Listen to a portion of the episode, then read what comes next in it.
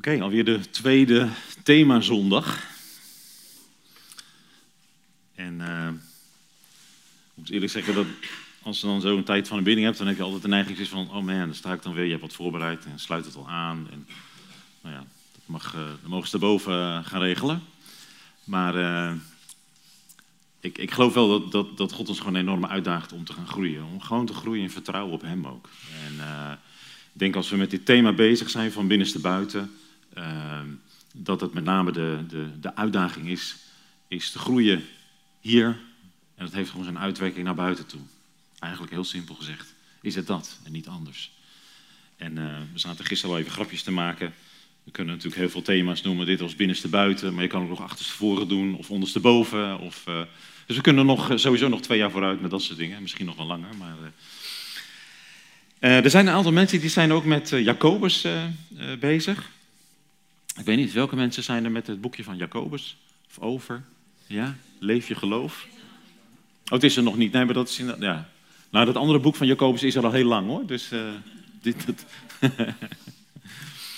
maar ik begrijp wat je bedoelt.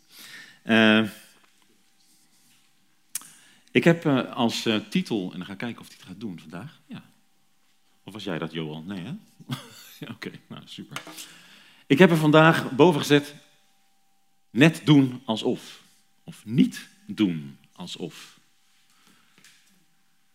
Wat zou ik daarmee bedoelen?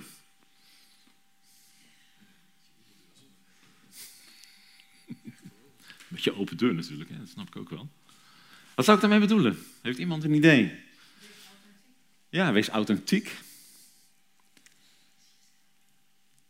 Ja, eigenlijk inderdaad, heel, om heel kort te gaan natuurlijk gewoon... dat je geloof niet iets is wat je alleen maar met je mond beleidt... maar wat je ook omzet in daden. En wat gewoon zijn uitwerking heeft. Dus wat er van binnen leeft, ja, dat komt er toch wel uit. Dus dat is de binnenkant en de buitenkant. En uh, we weten vaak de buitenkant heel mooi op te poetsen... en dan is die soms niet meer, komt hij niet meer overeen met de binnenkant. En dan gaat het wringen... En dat is misschien soms wat we ervaren, is een soort, instabiliteit. Het maakt ons onzeker van, ja, wat geloof ik nou? En je hoort al die dingen om je heen inderdaad. En, en, en het kan ons onzeker maken.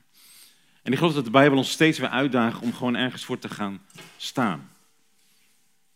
En, uh, en standvastig te zijn. Nou, als we Jacobus lezen, dan uh, is dat een, uh, een hele, ik moet eerlijk zeggen, eigenlijk een hele bonte verzameling van allerlei adviezen uh, en opmerkingen. En zo zal waarschijnlijk de preek van vanochtend ook zijn, denk ik. Een bonte verzameling van allerlei opmerkingen. Nou, adviezen misschien wat minder, maar ik wil ook jullie uitdagen om zelf ook gewoon even na te denken straks. En dat doen jullie sowieso wel, maar even concreet. Uh, ja, allereerst, nou, wie was Jacobus? Nou, ik heb erbij gezet het broertje van Jezus, halfbroer. Dus het is iemand die in diezelfde tijdsgewricht als het ware ook opgegroeid is. En uh, wat ze zeggen is dat in de brief van Jacobus kom je heel veel dingen van het onderwijs van Jezus ook gewoon weer tegen. Uh, alleen het lijkt wel alsof Jacobus alles gewoon bij elkaar wil proppen en zoveel mogelijk adviezen en opmerkingen in één, of eigenlijk in een paar bladzijden wil schrijven. En hij stuurt dit inderdaad aan, en dat staat hier aan de twaalf stammen. Uh, Jacobus was uiteindelijk een leider in de, in de, in de gemeente in Jeruzalem.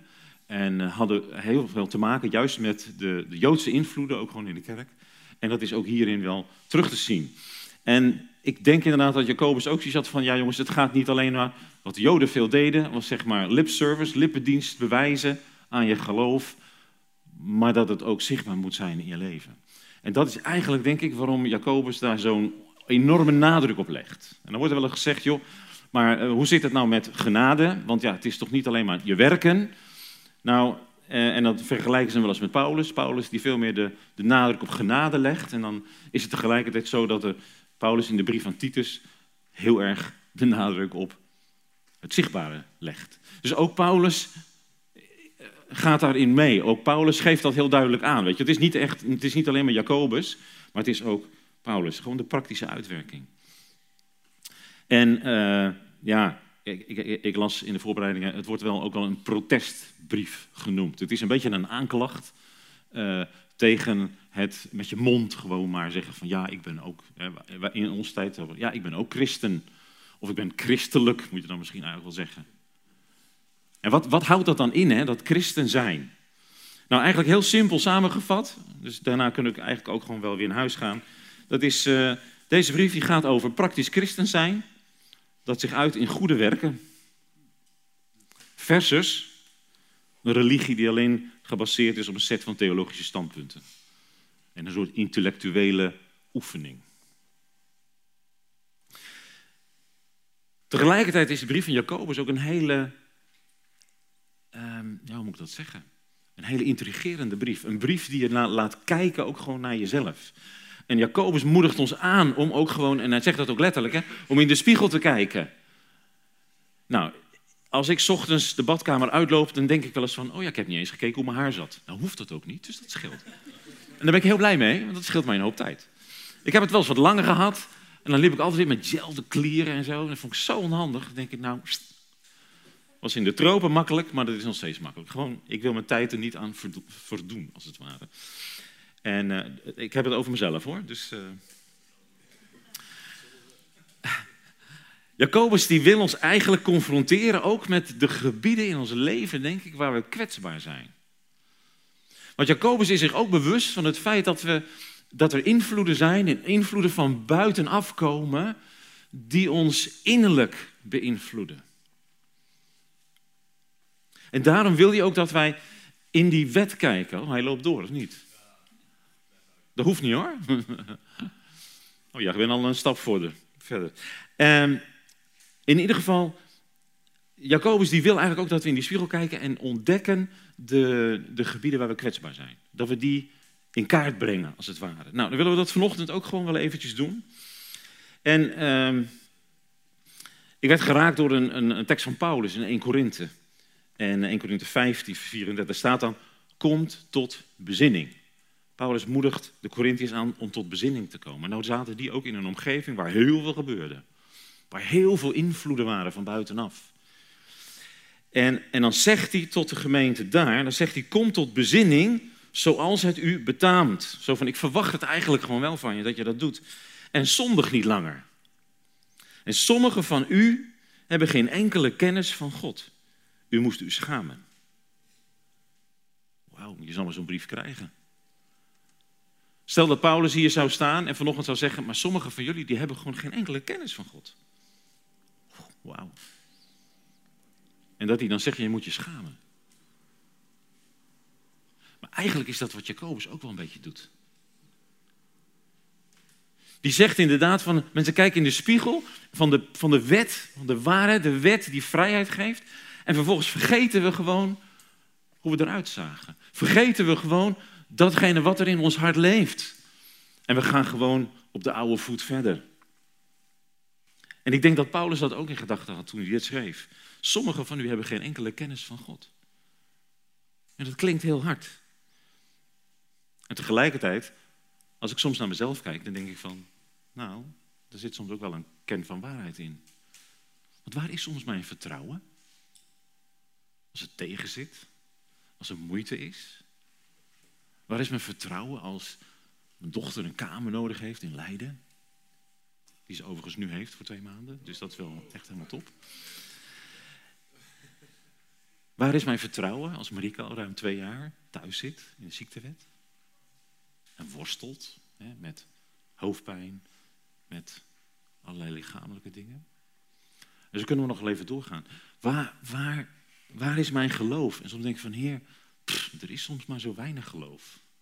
Soms geloof ik het wel, maar dan op die andere manier. En dan gaan we kijken vanochtend, en dan gaan we er een beetje vlot doorheen. Ga ik dat proberen? Proberen. Uh, tien punten. En ik weet niet of we ze allemaal er doorheen kunnen jagen, zou ik zeggen. Maar uh, dat gaan we niet doen. We kijken wel hoe ver we komen. En als jullie het zat zijn, dan steek je gewoon je vinger op en zeg nou, ik ben er klaar mee. Ik wil naar huis, ik wil aan de koffie. Ja? Zullen we dat afspreken? Ninky heeft al zin in koffie. Eerste punt. We lopen eigenlijk gewoon Jacobus 1 een beetje door. Dus het is misschien een beetje een bijbelstudieachtige preek. Maar ik wil je gewoon even meenemen in een, uh, in een tocht door het eerste hoofdstuk heen. En als je je Bijbel erbij pakt, dan, uh, dan lezen we gewoon in Jacobus. En ik heb de tekst hier niet uitgeschreven, want dan zou het helemaal een lange PowerPoint worden. Maar dan staat er eigenlijk uh, ik, blijdschap en standvastigheid in beproevingen. Eigenlijk is dit waar misschien de, de brief van Jacobus wel het meest bekend om is. Uh, en die andere, dat ware godsdienst is omzien naar weduwe, wezen in hun druk en uzelf rein van deze wereld bewaren. Dat zijn denk ik de teksten die we heel goed kennen uit Jacobus. En dan staat hier inderdaad, het moet u tot grote blijdschap stemmen, broeders en zusters, als u allerlei beproevingen ondergaat. Joepie, geweldig. Want u weet, wanneer uw geloof op de proef wordt gesteld, dan leidt dat tot standvastigheid. Als die standvastigheid ook daadwerkelijk blijkt. Oh, wacht even. Het leidt dus niet automatisch tot standvastigheid. Het zal dus ook nog moeten blijken. En dan zult u volmaakt en volkomen zijn, zonder enige tekortkoming. Als we het nou hebben over ons geloof hè, en hoe die binnenkant en die buitenkant samengaan, dan is dit dus dat die beproevingen, die werken standvastigheid uit in ons leven. En de Bijbel zegt niet, en Paulus zegt hier inderdaad, het moet u tot grote blijdschap stemmen. Hij zegt niet van, joh, hè, ga jezelf nou een beetje opleuken en doe maar alsof. Hè? Zo de, daarom heb ik de titel daarboven gezet inderdaad. Doen alsof. Je kan ook doen alsof je blij bent. Want ik ben immers een christen, ik ben een kind van God. En we kunnen altijd lachen en we kunnen altijd blij zijn. En God is goed. En dat is allemaal waar. Maar hoe staat het hier binnen voor? En blijdschap is wat anders dan een, alleen maar een smile. En dat doen alsof. Dat, is inderdaad, zijn emoties. Ja. En zo willen we niet zijn. En Jacobus roept ons, uh, roept ons daartoe. En ik denk die de beproevingen, als we het nut daar niet van inzien, ja, dan worden ze heel zwaar. Eigenlijk is, Jacobus spoort ons aan en die zegt, weet je, die beproevingen die zijn ook nodig om jou gewoon te testen. Want daaruit zal blijken of je God vertrouwt. Zal blijken of je loyaal bent naar God toe. Zal blijken de echtheid ook gewoon van je geloof. En ik moet eerlijk zeggen, ik heb ook vaak mijn, twijfels. Ja, dat klinkt dan heel zwaar inderdaad. Ik weet nog, ik stond vorige, vorig weekend, waren Marieke en ik even weg, we waren in Deventer. En ik stond in het centrum van Deventer. En, en nou, zij was in de winkel en zoals vaak staan, de mannen buiten natuurlijk te wachten. Hè? Sorry, zo gaat het dan toch wel. En er trok er zo'n mensenmassa, het was best druk, er trok er zo'n mensenmassa voorbij. En ik liet dat zo eens op me inwerken. En toen dacht ik van, zou iemand God kennen? Zou die persoon die daar nou voorbij loopt, zou die God kennen? En, en wat doet dat mij nog? Wat doet dat mij? Ben ik, durf ik er gewoon voor uit te komen? Durf ik gewoon, ook als, het, ook als ik tegenwerking krijg op het moment dat mensen weten dat je christen bent, uh, wat, wat werkt dat uit? Nou, hier zegt Jacobus inderdaad, het resultaat is standvastigheid. En weet je wat die standvastigheid doet in je leven? Het geeft rust. En het geeft stabiliteit. En ik merkte de laatste tijd, ik heb het wel eens eerder gezegd, ik heb wel eens een keer een, een proefje gedaan op een zondag, zo van ik, ga, ik laat mijn, mijn telefoon echt helemaal liggen. Ik doe niks. En dan ontdek je eigenlijk misschien wel dat er ook een soort verslaving in zit. En de hele media eromheen, de hele marketing van veel van dat soort producten zijn erop gericht om je aandacht continu af te leiden. En er komen zoveel indrukken. Je wordt gebombardeerd met allerlei overtuigingen, met indrukken, met nieuws waar je niks mee kan vaak. En, en, en, en het rooft ook mij vaak gewoon van de tijd met God. Het is makkelijker om even het nieuws te checken voor de tigste keer op een dag, terwijl er niks nieuws gebeurd is. En dat was in de vakantie natuurlijk helemaal zo, in de komkommertijd. Maar dan om even te gaan zitten met die Bijbel en gewoon even tijd te nemen met God. om, om daar gewoon prioriteit aan te geven. En ik heb gemerkt, als ik dat dan te weinig doe, of weinig doe, dan, geeft, dan komt er een bepaalde onrust. Ik weet niet hoe jullie dat eh, ervaren, maar er komt een bepaalde onrust in mijn leven, waarvan ik dan denk van, hoe komt dat nou, hè? En dan ben ik eigenlijk die rust kwijt. Dan ben ik gewoon dat lijntje. Weet je, weet je God, staat niet ineens te, oh, nou, nou moet je, nou moet je hè, tijd nemen. Maar God is daar heel, weet je wel. Ben, je, ben je er? Ik wil graag je verhaal horen vandaag. Ik wil graag bij je zijn. Ik wil tijd met je doorbrengen. Het geeft rust en stabiliteit. En daarom noemt Jacobus dit ook de standvastigheid. Het tweede punt is wijsheid en een diep geworteld vertrouwen. In vers 5 tot 8 staat er een vond, komt één van u wijsheid tekort, vraag God erom. En hij die aan iedereen geeft zonder voorbehoud eh, en zonder verwijt zal u wijsheid geven. Vraag vol vertrouwen, zonder enige twijfel. Wie twijfelt, is als een golf in de zee die door de wind heen en weer wordt bewogen. En wie zo aarzelend en onberekenbaar is bij alles wat hij doet, moet niet denken dat hij iets van de Heer zal krijgen. Nou, die heb ik heel vaak heb ik hiermee geworsteld. Ik dacht, oh man, zo'n krachtig geloof heb ik dan weer niet. En ik vraag het wel, maar geloof ik ook echt dat God dit gaat geven. En dat heeft alles te maken met die diepgang van je relatie met God. En dit is dan weer die onrust die dit kan geven, inderdaad. Maar we mogen God gewoon om wijsheid vragen. Als je wijsheid nodig hebt, en dat is vaak in omstandigheden, datgene wat er buitenom gebeurt, vraag God erom. Maar vraag het in vertrouwen. Vraag het in geloof. Vraag het biddend.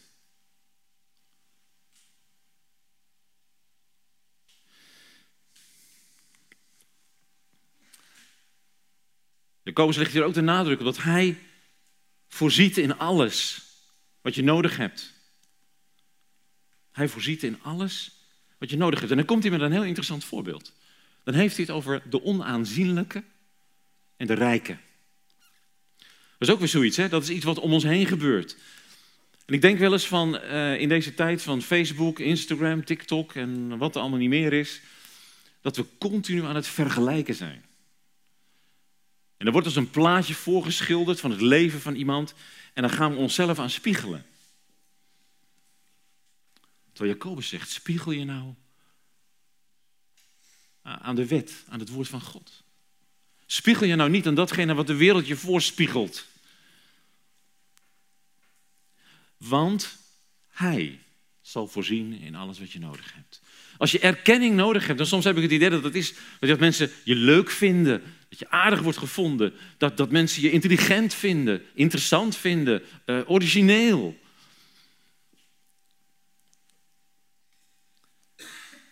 Als we daar onze waarde in gaan zoeken, dan raken we alleen maar teleurgesteld.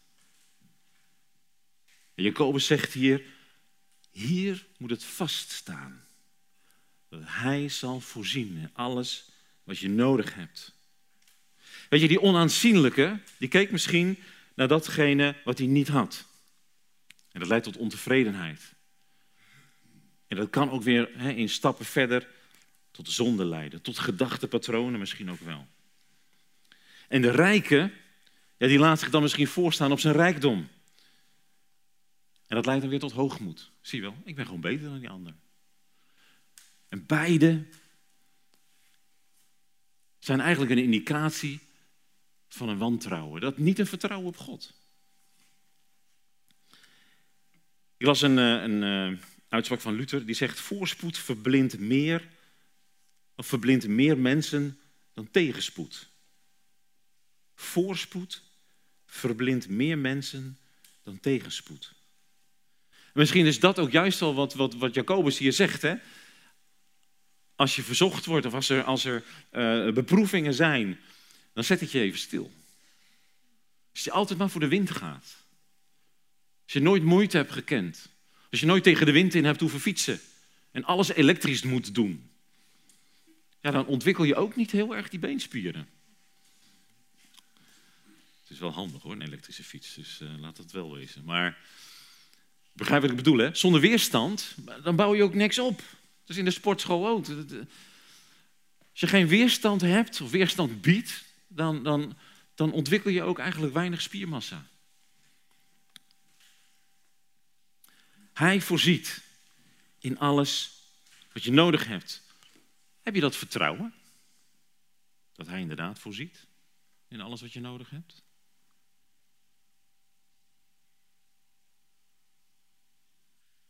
Ga zo meteen ook gewoon een moment even stil zijn, dat je daar zo over nadenkt. En een van die kenmerken die Jacobus hier noemt, is je blijft staande. Als je geloof beproefd wordt. Hij zegt hier ook, gelukkig is de mens die in de beproeving staande blijft. Want wie de proef doorstaat, ontvangt als lauwerkrans het leven. Wie de proef doorstaat. En dat is interessant, want iets verderop in het hoofdstuk heeft hij het ook inderdaad over uh, iemand die iets hoort. Even kijken hoor. Ja, wie zich daarin tegen spiegelt in de volmaakte wet en dat blijft doen. Heel vaak zien we in de Bijbel dat, en hier ook bij Jacobus, een proces waar we gewoon in zitten. En in, dat proces van, van, van, van reflecteren uh, is het de bedoeling dat we staande blijven. Jacobus zegt dat een van de kenmerken van iemand die in die beproeving staande blijft, die mag zich gelukkig prijzen. Waarom? Omdat er een beloning ligt te wachten.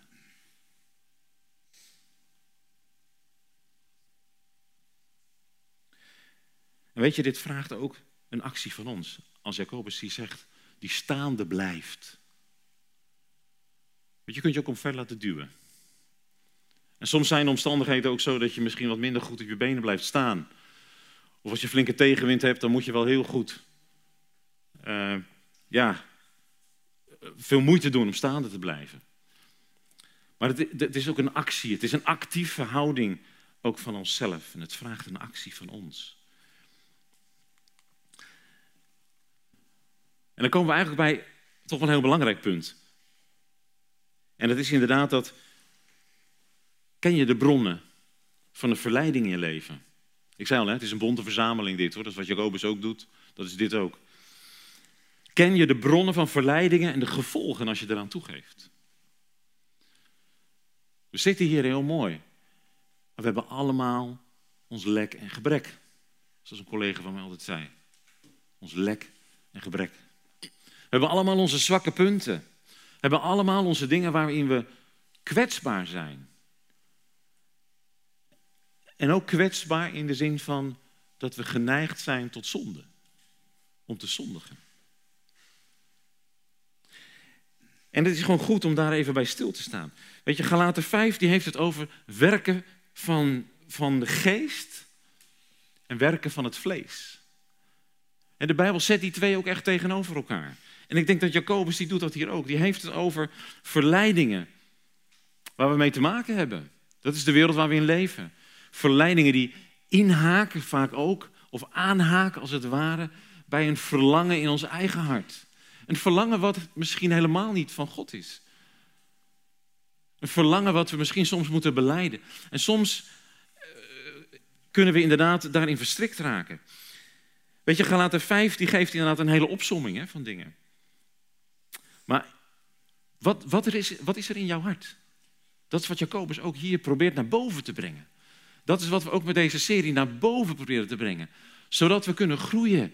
Dat we dingen in het licht kunnen brengen. En soms is daar inderdaad hoogmoed. Of wrok. Misschien ben je nog steeds boos op iemand. Misschien ben je jaloers, omdat die ander die baan kreeg en jij niet. Of die andere partner. Of ga zo maar door. Misschien is er haat in je hart. En dat klinkt heel zwaar. En misschien ja, ben je, uh, hoe zeg je dat? Wil je graag datgene wat die ander heeft? Dat leuke huis, die mooie auto, dat ogenschijnlijk mooie leven. En soms grijpen we naar methodes om, om, om dat een beetje te verbloemen.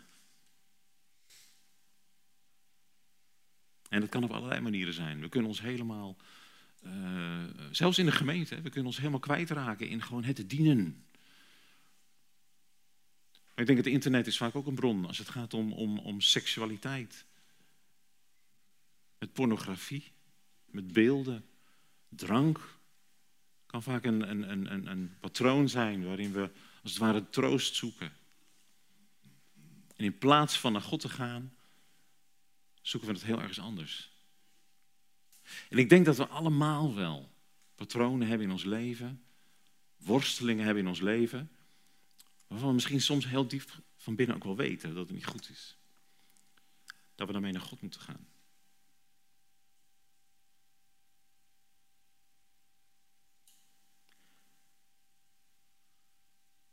Ik weet toen ik ging studeren, was een van de dingen, had best wel wat, wat, wat moeite toen ik uit, uit, huis ging en ik studeerde in Groningen. En ik weet nog heel goed dat ik op een gegeven moment ja, best wel worstelde, gewoon met een stuk eenzaamheid. Uh, ik was helemaal niet voorbereid op het uit huis gaan. Iedereen had het erover, is hartstikke leuk hè, op kamers gaan. Dat hebben we nu ook met, met Laura natuurlijk. Maar ik vond, ik vond het echt moeilijk. En dan hadden we thuis hadden we het op zich goed. Uh, maar emotioneel was er niet veel steun. Dus ik moest het ook een beetje zelf uitzoeken. En in die eenzaamheid merkte ik dat ik heel langzaam afzakte richting een depressie. En eigenlijk bleek dat later een terugkerend patroon te zijn. Gewoon die depressie. En ik weet nog heel goed dat op dat moment kunnen er zoveel gedachten door je hoofd gaan. En gedachten ook soms van, joh, wat is het leven nog waard? Waarom ben ik er eigenlijk nog? Niemand zal mij missen. En dan kom je soms in zo'n hele neergaande spiraal kun je terechtkomen. Misschien hebben we dat allemaal wel eens hoor. Maar ik weet nog heel goed dat ik op een gegeven moment ook, te midden van al die nou ja, moeite op dat moment, ook een gesprek had met een voorganger van de gemeente waar, we toen, eh, waar ik toen kwam in, eh, in Groningen. Het is me altijd bijgebleven dat hij uh, 2 Korinther 10 uh, aanhaalde. 2 Korinther 10 en dan eigenlijk vers ja, 4 en 5. Maar dan staat dat de wapens waarmee we ten strijde trekken, die dienen niet ons eigen belang, maar zijn er om met hun kracht bolwerken te slechten voor God. We halen spitsvondigheden neer en iedere verschansing die wordt opgetrokken tegen de kennis en het kennen van God. En we maken iedere gedachte krijgsgevangene om haar aan Christus te onderwerpen. En dat woord is me altijd bijgebleven. En ik vind het altijd, ik vind het altijd nog lastig. Maar de Bijbel zegt dan inderdaad, neem die gedachte krijgsgevangen. Wat moet je met een krijgsgevangene doen? Ik, ik, ik had altijd zoiets van, oh, ik moet ermee afrekenen. Weet je wel, ik moet strijden. En dat, dat moet op zekere momenten ook. Maar in deze, als het om onze gedachten gaat, is er iets anders aan de hand. En zegt Paulus hier, maak die gedachten krijgsgevangenen. En wat doe je met een krijgsgevangene in het leger? Die verzorg je goed, precies.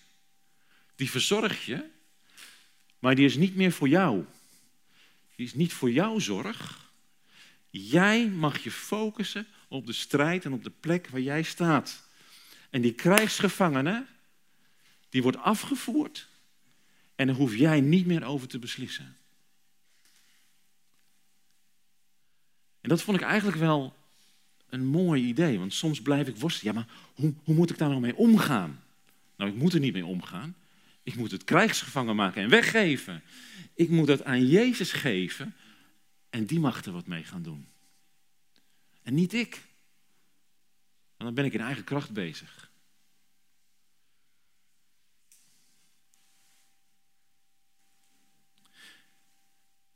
Luther volgens mij was dat, maar Corrie ten Boom die maakte er ook weer inderdaad. Hè, je kunt er niet voorkomen dat de vogels over je hoofd vliegen. Dat is misschien een hele bekende. Maar je kan wel voorkomen dat ze een nest op je hoofd bouwen. Eigenlijk gedachten komen en gaan. En er zitten niet altijd goede gedachten bij. Die kunnen onrein zijn, onzuiver. En die mag je krijgsgevangen maken. En je mag zorgen dat die vogels geen nest kunnen bouwen. En dat is een actieve houding inderdaad. Want er staat hier ook, we halen spitsvondigheden en iedere verschansing die wordt... Weet je, het, het, het maakt alleen maar dat je het zicht op God kwijtraakt. He, die wordt opgetrokken, verschansing, die wordt opgetrokken tegen de kennis van God. En dit is de kennis, het kennen van God. En die maken we krijgsgevangenen om haar aan Christus te onderwerpen. Die mag ermee afrekenen. En ik wil gewoon heel even, ik wil je heel even een moment vragen om gewoon eventjes uh, hierbij stil te staan. Eventjes na te denken. Laten we even een beetje een meditatief momentje. Ik weet niet of misschien, Salim, kan jij iets uh, spelen? Eventjes uh, met een beetje achtergrond, even de emotie prikkelen. Nou, maar... Maar ik zou je gewoon heel even willen uitdagen om gewoon eventjes hierover na te denken. Zijn er dingen in je leven, in je hart, hier van binnen, waar je misschien nog niet mee hebt afgerekend? Laten we gewoon even een moment nemen om daar even voor te bidden. Zelf. En misschien als er iemand naast je zit die je vertrouwt, dat je het deelt, dat je dingen in het licht mag brengen. En we het hebben over binnenste buiten. Wat leeft er in je hart? Zullen we gewoon een moment stilstaan? Stil zijn en staan. En misschien die gedachte ook krijgsgevangen maken. Geef het aan Jezus. Laat hem ermee afrekenen. Dat heeft hij al gedaan aan het kruis.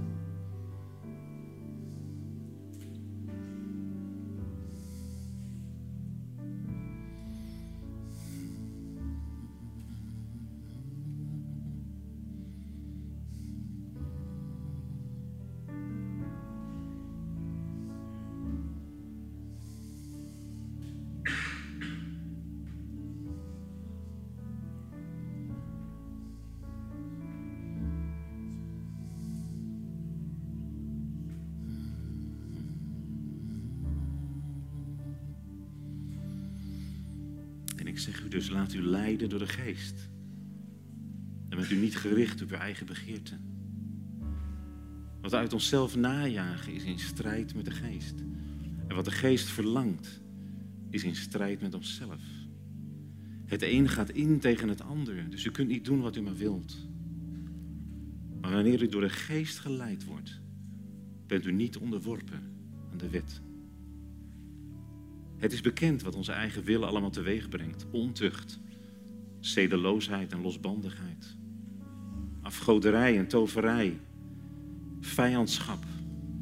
Tweespalt, jaloezie en woede. Gekonkel, geruzie en rivaliteit. Afgunst. Bras en slempartijen.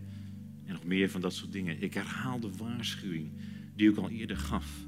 Wie zich aan deze dingen overgegeven heeft, zullen geen deel hebben aan het koninkrijk van God. Maar,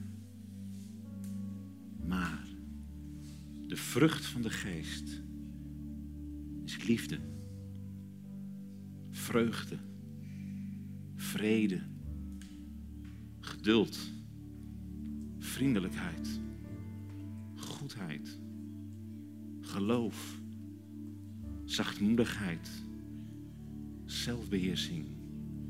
En er is geen wet die, daar iets tegen heeft.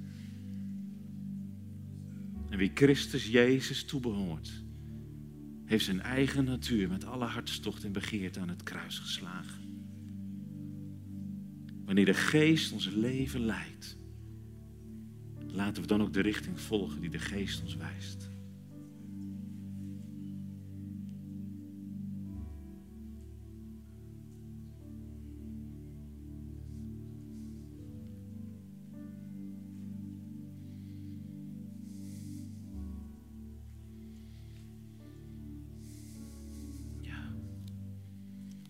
Vader, dank u wel dat u ons hart ziet.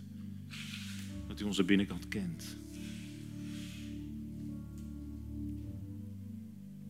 En dat u door uw geest gewoon wilt werken in ons. Heer, ik wil gewoon vanochtend ook tegen u zeggen, Heer, neem de ruimte.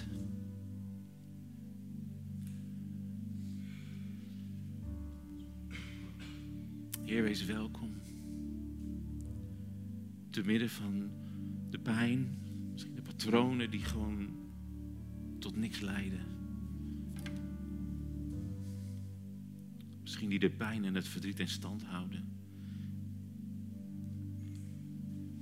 Jezus, zet ons opnieuw vrij. Leid ons in die ruimte, Heer, waar David het over had. Daar waar we vrij mogen zijn.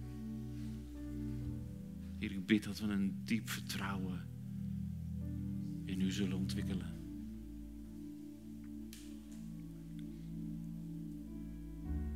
Dat we vast mogen staan, gewoon in ons geloof. Dat die stromen van levend water vanuit ons binnenste mogen vloeien.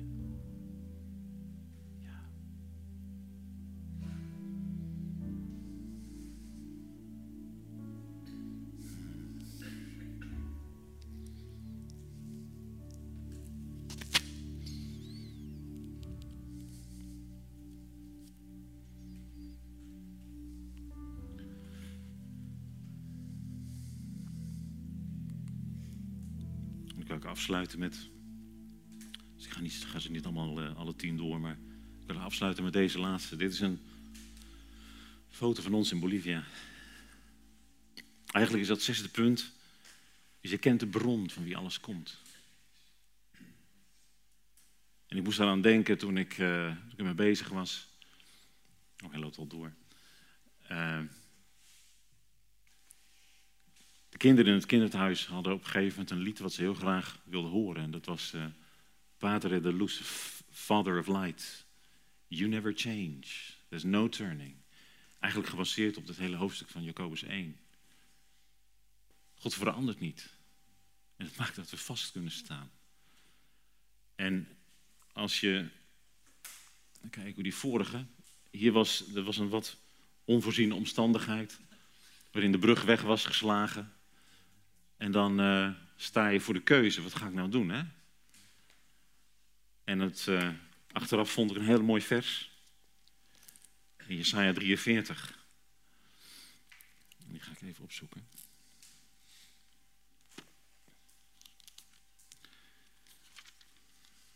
Dat is meestal achteraf, hè? Als je dan terugkijkt, denk je van, oh ja, God was erbij.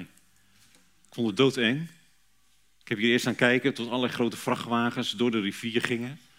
Want dit, dit is precies, het stroomde heel erg flink inderdaad. Ja, en dan kom je dan met zo'n klein rotautootje aan.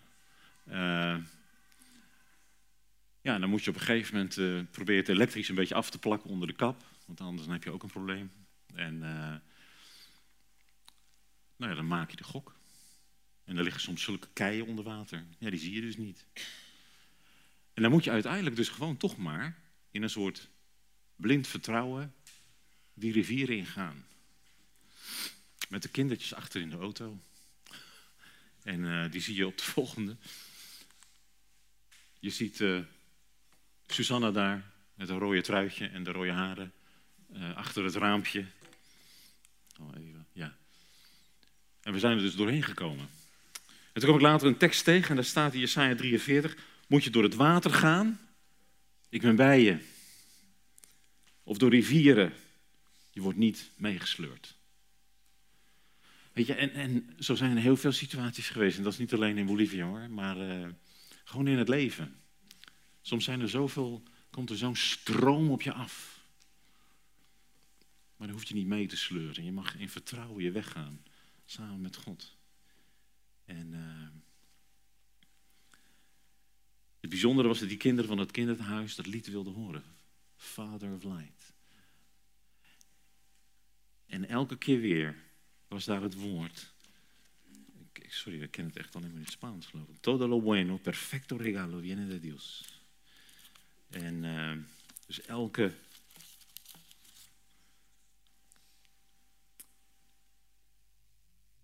Ja, eh, sorry, ik moet hem even kijken hoor. Geliefde broeders en zusters, in vers 16 en 17. Elke goede gaven, elk volmaakt geschenk komt van boven. Van de Vader van de hemellichten.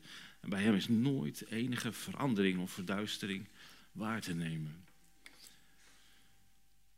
Weet je, die kinderen die alles kwijt waren, die geen ouders hadden, die gewoon in een kinderthuis zaten. En dit was hun favoriete lied. Oom Frits, kunnen we dit lied nog een keer zingen, weet je wel? En als ik daar dan terugdenk, inderdaad, dan emotioneert me dat. En denk ik dat vertrouwen, dat die kinderen daar dat konden zingen.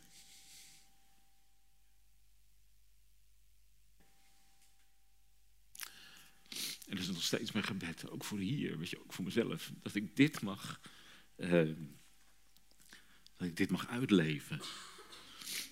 Dat elke goede gave, elk volmaakt geschenk gewoon van God komt.